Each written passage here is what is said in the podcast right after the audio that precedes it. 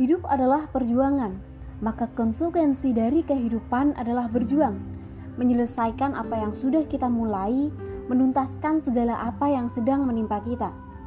Ikhlas adalah kunci terbaik untuk mensyukuri setiap apa yang terjadi. Saat kita ditimpa musibah, maka bersyukurlah, karena itu adalah tanda Allah mencintai kita. Saat kita diberikan harta berlimpah, bersyukur dan beristighfarlah, karena harta bisa menjadi ujian bagi kita.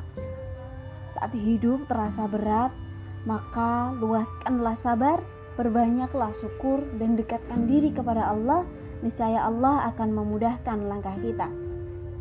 Saat hidup terasa bahagia, maka tetaplah tawadu.